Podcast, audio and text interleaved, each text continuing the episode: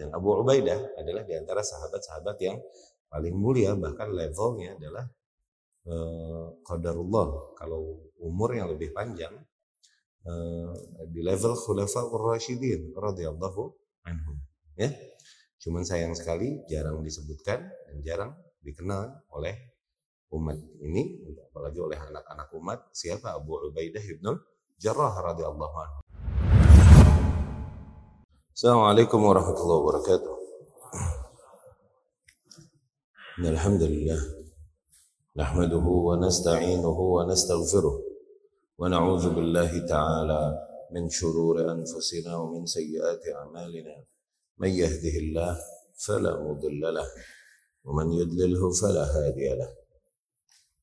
أشهد أن لا إله إلا الله أشهد أن محمدا عبده ورسوله أما بعد. فإن أصدق الكلام كتاب الله وخير الهدي هدي محمد صلى الله عليه وسلم وشر الأمور محدثاتها وكل محدثة في دين الله بدعة وكل بدعة ضلالة وكل ضلالة في النار أما بعد إخواني رحمكم الله أمين الأمة أبو عبيدة ابن الجراح رضي الله عنه ya. Aminnya aminnya umat ini. Abu Ubaidah radhiyallahu anhu Ibnu Jarrah. Nama aslinya Amir bin Abdullah Ibnu Jarrah radhiyallahu anhu. Diriwayatkan oleh Imam At-Tirmidzi rahimahullah dan Ibnu Majah dan Hakim rahimahumullah suila Aisyah.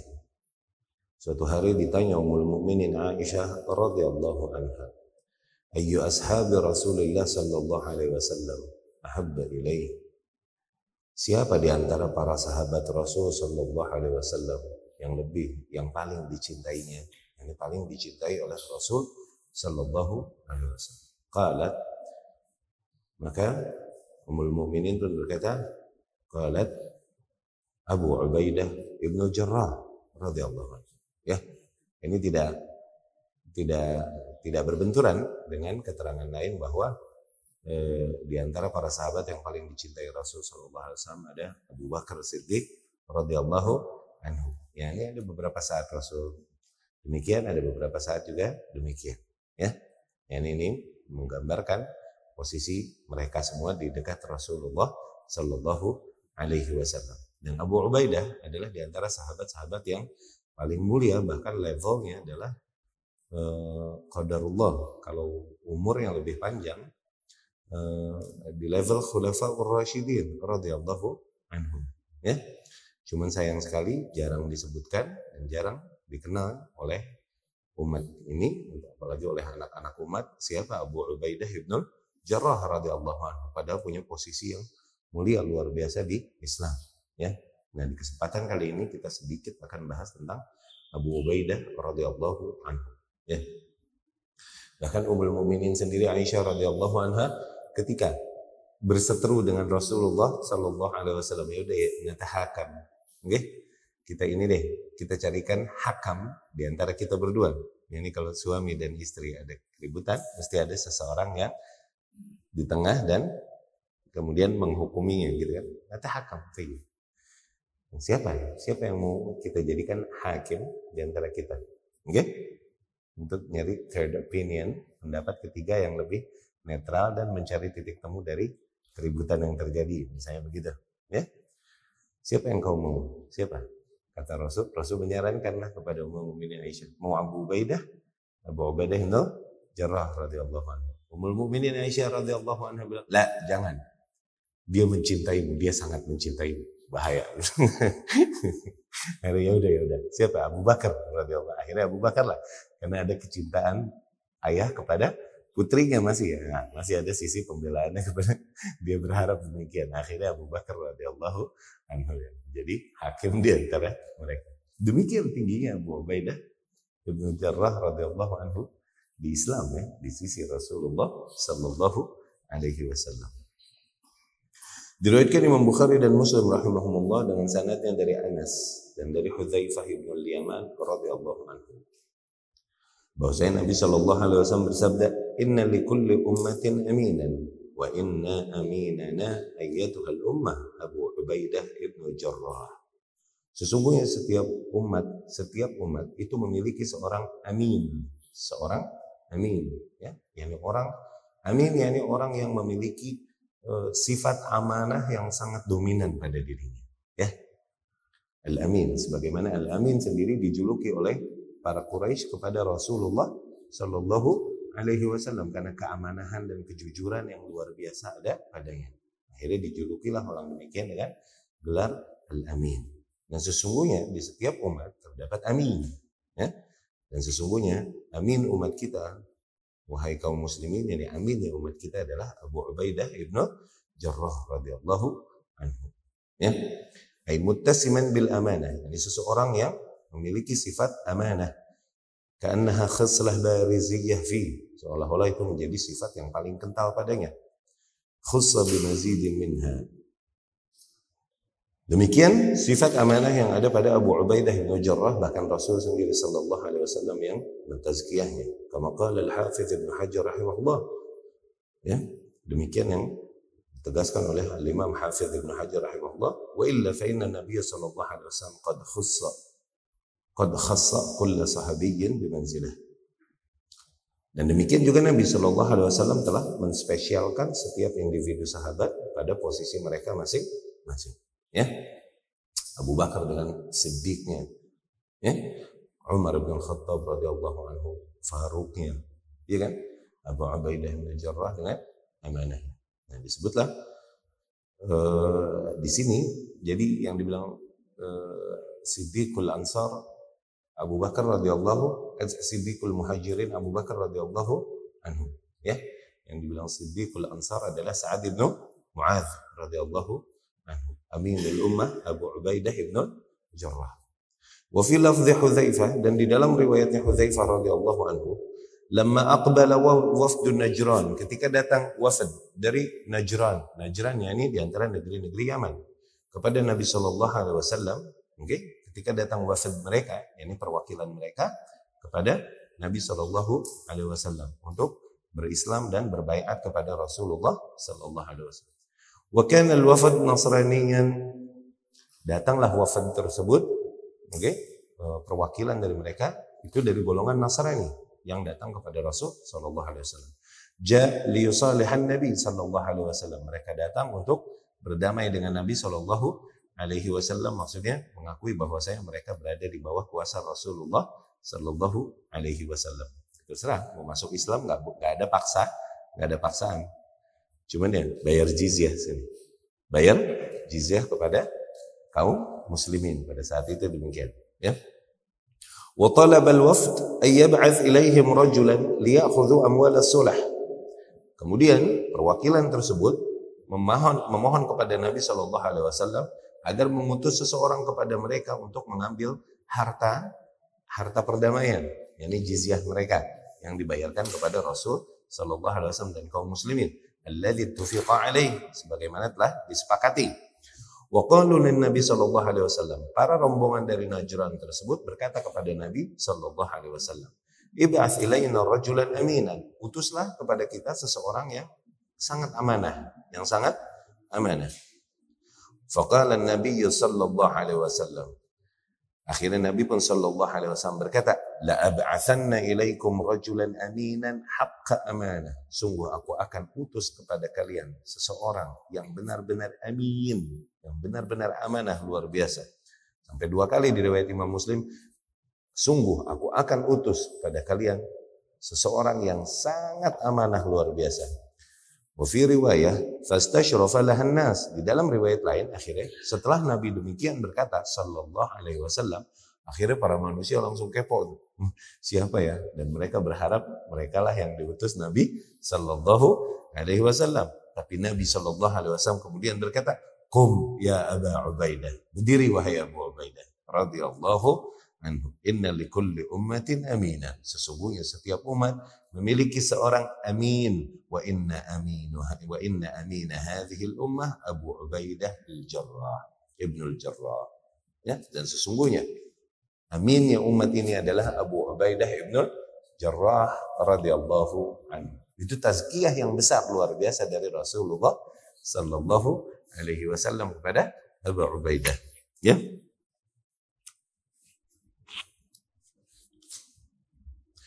Dan di riwayat Imam Muslim sama dari Anas radhiyallahu anhu, "Lamma aqbala wafdu ahli Yaman," ketika datang kepada Nabi sallallahu alaihi wasallam rombongan perwakilan dari penduduk Yaman, mereka berkata, "Ya Rasulullah, ib'ats ma'ana rajulan yu'allimuna sunnah." Ya Rasulullah, utuslah kepada kita seseorang yang nanti akan mengajarkan kepada kita as-sunnah wal Islam, mengajarkan jalan yang hak ini, sunnah. Dan mengajarkan kepada kita agama ini, Islam. Ya. Faqala Nabi sallallahu alaihi wasallam di situ Nabi sallallahu alaihi wasallam berkata, "Aminu hadhihi ummah Abu Ubaidah ibn Jarrah." Ini. Orang yang paling dipercaya di umat ini adalah Abu Ubaidah ibn Jarrah radhiyallahu anhu. Islam, keislaman Abu Ubaidah ibn Jarrah. Abu Ubaidah ibn Jarrah radhiyallahu anhu masuk Islam di hari-hari awal dakwah Rasul sallallahu alaihi wasallam. Kana min al-asharah al-mubasysyirin bil jannah. Ia termasuk 10 orang yang di, dijaminkan syur, syurga oleh Rasul sallallahu alaihi wasallam. Wa ahad al-khamsah alladzin aslamu ala yad Bakar Siddiq radhiyallahu anhu. Dan dia adalah salah seorang dari lima orang yang berislam di tangannya Abu Bakar radhiyallahu anhu. Ini Abu Bakar setelah menerima keislaman dari Rasul Sallallahu Alaihi Wasallam langsung dia mendakwahkan keislaman ini kepada orang-orang terdekatnya, orang-orang yang dia percaya bahwasanya mereka ini orang-orang yang logik dan memiliki sifat baik. Disampaikan di antaranya adalah kepada Abu Ubaidah ibnu Al-Jarrah radhiyallahu anhu. Akhirnya menjadi pahala kelak nih nanti pengorbanan Abu Ubaidah, Utsman ibnu Affan dan lain-lain yang masuk Islam di tangannya Abu Bakar, semua pahala mereka berada di timbangan pahalanya Abu Bakar Siddiq radhiyallahu anhu. Kebayang nggak? Itulah luar biasa yang kita membawakan hidayah kepada kepada seseorang ya li ayyahdiyallahu bika rajulan wahidan khairul laka min humurin ni'am ketika Allah membawakan hidayah okay? melaluimu kepada seseorang itu jauh lebih mulia bagimu kelak baik daripada unta merah. Unta merah adalah di antara harta-harta kebanggaan dan yang paling dicintai oleh bangsa Arab. Ya. Jadi keislamannya Abu Ubaidah bin Jarrah dan pengorbanan yang besar nanti itu masuk di dalam sahamnya Abu Bakar radhiyallahu anhu dalam timbangan amal hasanah Abu Bakar radhiyallahu anhu. Ya. Wa huwa alladhi qala fihi Umar. Abu Ubaidah lah ini yang Umar sendiri radhiyallahu anhu. Umar ini dengan segala keutamaannya, ajrallahu al-haqqa ala lisani wa qalbi. Allah mengalirkan yang hak dari lisan dan hati. Umar. Dan Umar sendiri yang berkata, radhiyallahu berarti kalau tazkiyah Umar luar biasa. Ya? Umar sendiri radhiyallahu anhu berkata, wa huwa yakhtar ahla syura ketika dia sekarat dan memilih ahlu syura. Jadi Abu Bakar radhiyallahu anhu meninggal menunjuk seseorang langsung. Gitu kan? Rasul memberi isyarat kepada Abu Bakar. Abu Bakar lah menggantikan Rasul SAW. Abu Bakar mau meninggal beri isyarat. Bukan isyarat langsung menunjuk. Dia nunjuk kepada Umar radhiyallahu anhu. Umar lah leading. Okay? Umar tadinya mau nunjuk orang. Tapi Qadarullah meninggal duluan nih orang. Akhirnya dia bingung menunjuk saya. Dia tunjuklah tujuh orang.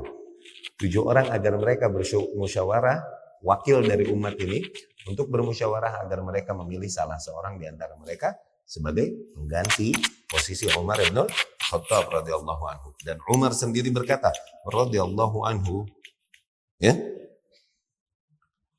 Umar sendiri berkata, "Laukan Aba Ubaidah hayyan lastakhlaftu." Andai saja si Abu Ubaidah radhiyallahu anhu masih hidup, lastakhlaftu. Niscaya aku akan tunjuk dia langsung menjadi pengganti, menjadi khalif khalifah.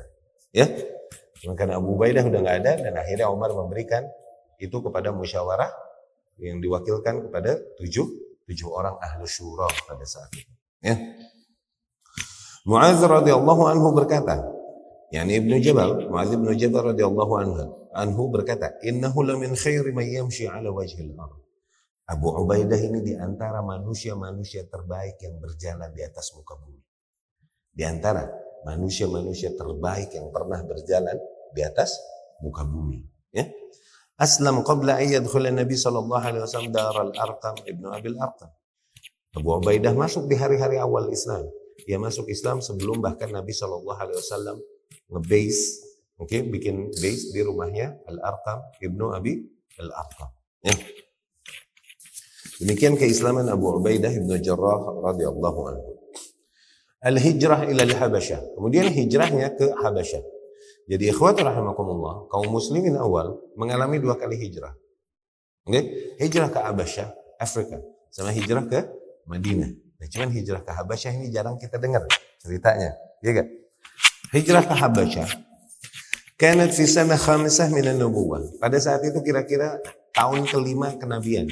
Ya, ini setelah Nabi Shallallahu Alaihi Wasallam mulai berdakwah dengan jahar, okay? dan kemudian semakin keras tekanan-tekanan yang diberikan oleh kaum musyrikin kepada yang mengikuti Muhammad Shallallahu Alaihi Wasallam. Akhirnya di tahun kelima diizinkanlah kaum muslimin untuk menyelamatkan diri dan agamanya ke negeri lain. Ya, lama eh, lama yastad yauman fayauman ta'dzibul musyrikin. Ketika semakin keras, hari demi hari semakin keras, tekanan yang diberikan oleh kaum musyrikin. Nah, Najasyi ini bagaimanapun raja Nasrani yang adil. Raja Nasrani yang adil dan terkenal dengan keadil keadilannya. Akhirnya uh, Najasyi ini gelar ya. Najasyi adalah gelar bagi raja-raja Afrika, bukan nama satu orang, bukan. Kayak Firaun, itu gelar-gelar raja-raja Mesir. Caesar, Kaisar, Romawi, Kisra, itu gelar-gelarnya. Nah, Najasyi di zaman Rasul ini raja yang adil. Raja yang adil. Najasyi yang ada di Afrika. Akhirnya mereka berhijrahlah menuju Habasyah di kerajaan Najasyi tersebut. Ya, inilah rombongan pertama yang hijrah dari kaum muslimin. Oke. Okay? Hajar ad-duf'ah al-ula ila al-Habasyah. Haitsu kana Nabi sallallahu alaihi wasallam di mana Nabi sallallahu alaihi wasallam sami' mendengar anna fiha malik adil bahwasanya rajanya raja yang adil la yuzlam indahu ahad yang tidak ada seorang pun dizolimi di bawah kuasanya. Wa kana al-muhajirin 12 rajulan wa arba'ah niswah. Muhajirin yang Kloter pertama ini terdiri dari 12 orang lelaki dan 4 wanita dipimpin muhajirin tersebut yang pertama oleh Utsman ibnu Affan radhiyallahu anhu dan dia pun membawa istrinya yaitu Ruqayyah Ruqayyah bintur Rasul putri Rasulullah sallallahu alaihi wasallam Nabi SAW berkata, Innahuma awwalu baitin hajara fi sabilillah. Sesungguhnya mereka berdua, yakni Uthman dan Ruqayyah, adalah rumah pertama yang berhijrah di jalan Allah, ba'da Ibrahim wa Lut. Setelah zaman hijrahnya Ibrahim alaihi salam dan Lut alaihi salam. Ya, demikian ikhwati rahimakumullah. Abu Ubaidah bin Jarrah radhiyallahu anhu di antara mereka yang berhijrah menuju negeri Habasyah. Ya, di awal hijrah. Yang di mana rombongan hijrah pertama tersebut dipimpin oleh Utsman bin Affan radhiyallahu anhu dan istrinya Ruqayyah bintu Rasulullah sallallahu alaihi wasallam radhiyallahu anha. Ya.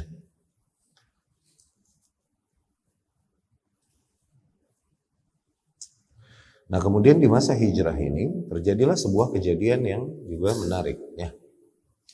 Kejadian ini dibilang kejadian sajdah An-Najm, sujud dari surat An-Najm. Ya, sujud pada surat An-Najm.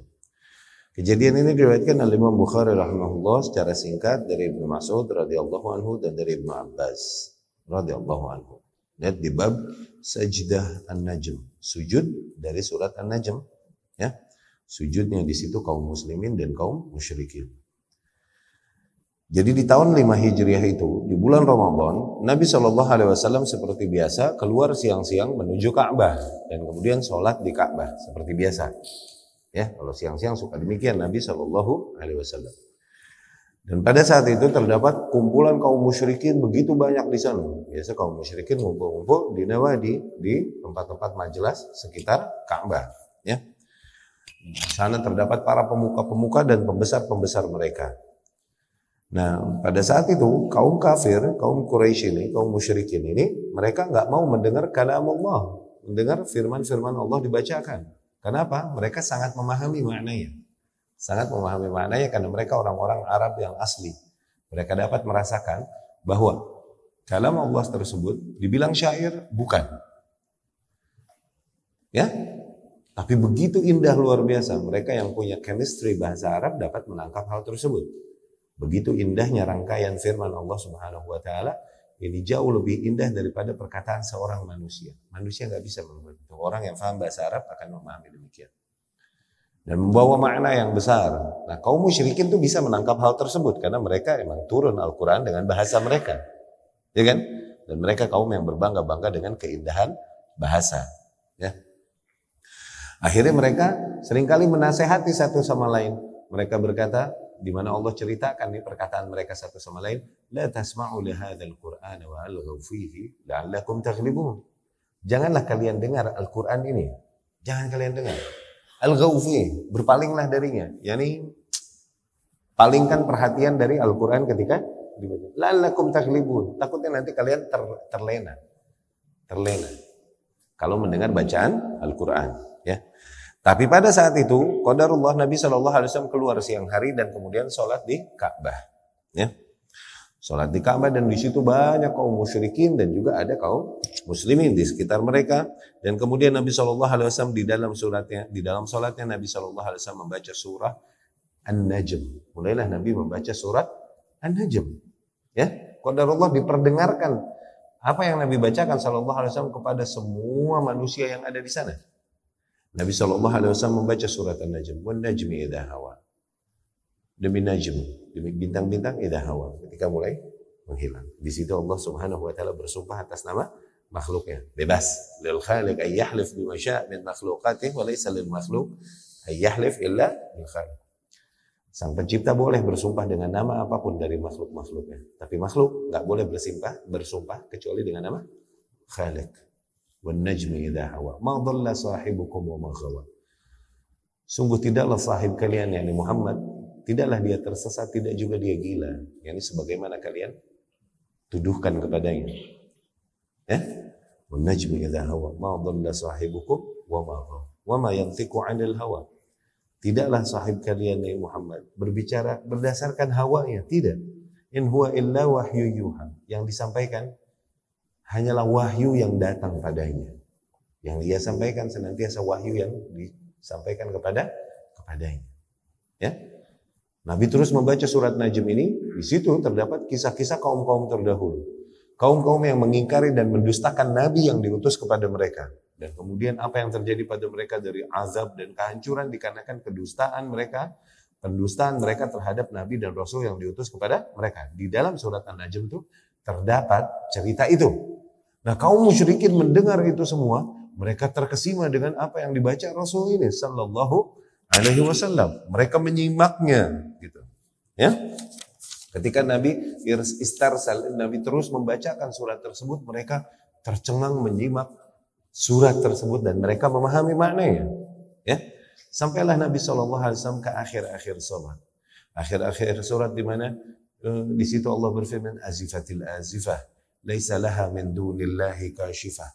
Sungguh telah datang masa azifah, masa kehancuran, azifatil azifah bergetar, masa kehancuran telah datang. Laisa laha min dunillahi kashifah. Kelak ketika masa tersebut datang, tak ada yang dapat menyelamatkan kalian kecuali Allah. Artinya gitu. Ya. Afamin hadzal hadithi ta'jabun. Apakah dari cerita demikian, dari ungkap dari dari dari pembicaraan demikian kemudian kalian takjub, kaget. Wa tadhakuna wa la tabkun. Masih kalian bisa tertawa-tawa dan tidak kalian menangis? Wa antum samidun, masih kalian nyender-nyender, santai-santai, berleha-leha. Fasjudu lillahi wa'budu. Maka bersujudlah kalian kepada Allah, hanya kepada Allah dan beribadahlah hanya kepada Di situ Nabi Shallallahu Alaihi Wasallam langsung sujud karena ayatnya ayat sajdah. Oke? Okay? Fasjudu lillahi wa'budu. Bersujudlah kalian dan beribadahlah kepada Allah. Gitu kan? Nabi langsung sujud pahir para kaum musyrikin, kaum muslimin, semua yang ada di situ semuanya sujud serentak di tempat di tempat apa di tempat di belakang Nabi Shallallahu Alaihi Wasallam. Tubuh mereka di luar kuasa mereka, akhirnya mereka pun ikut sujud di belakang Nabi Shallallahu Alaihi Wasallam. Nah, setelah itu mereka pun bangkit dan menyadari apa yang mereka lakukan dan mereka mengingkarinya. Mada fa'alna? Mada fa'alna? Asajadna li Rabbi Muhammad gitu. Apa yang kita lakukan? Apa yang telah kita lakukan? Apakah kita telah sujud kepada Rabbi Muhammad? Mada fa'alna? Apa yang telah kita lakukan? Mereka mengingkari yang telah mereka lakukan sendiri. Ibnu Abbas bahkan radhiyallahu anhu berkata pada saat itu muslim, kafir, manusia dan jin semuanya sujud di belakang Muhammad sallallahu alaihi wasallam pada saat itu. Ya, ini kisah sajdah An-Najm. Zen, nah cerita ini fenomenal lah, tersebarlah keluar Mekah. Dibawa oleh berita-berita. Oke? Okay?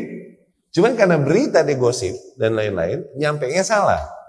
Terdengar oleh mereka yang udah hijrah ke Habasyah, dapat kabar, kaum musyrikin di Mekah udah pada masuk Islam. Tuh, kabarnya begitu nyampe nya.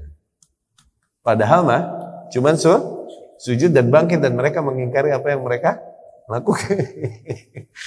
oh, udah pada masuk Islam. Alhamdulillah pada girang deh tuh. Akhirnya mereka pergi dari Habasyah, kembali ke Mak kembali menuju Mekah.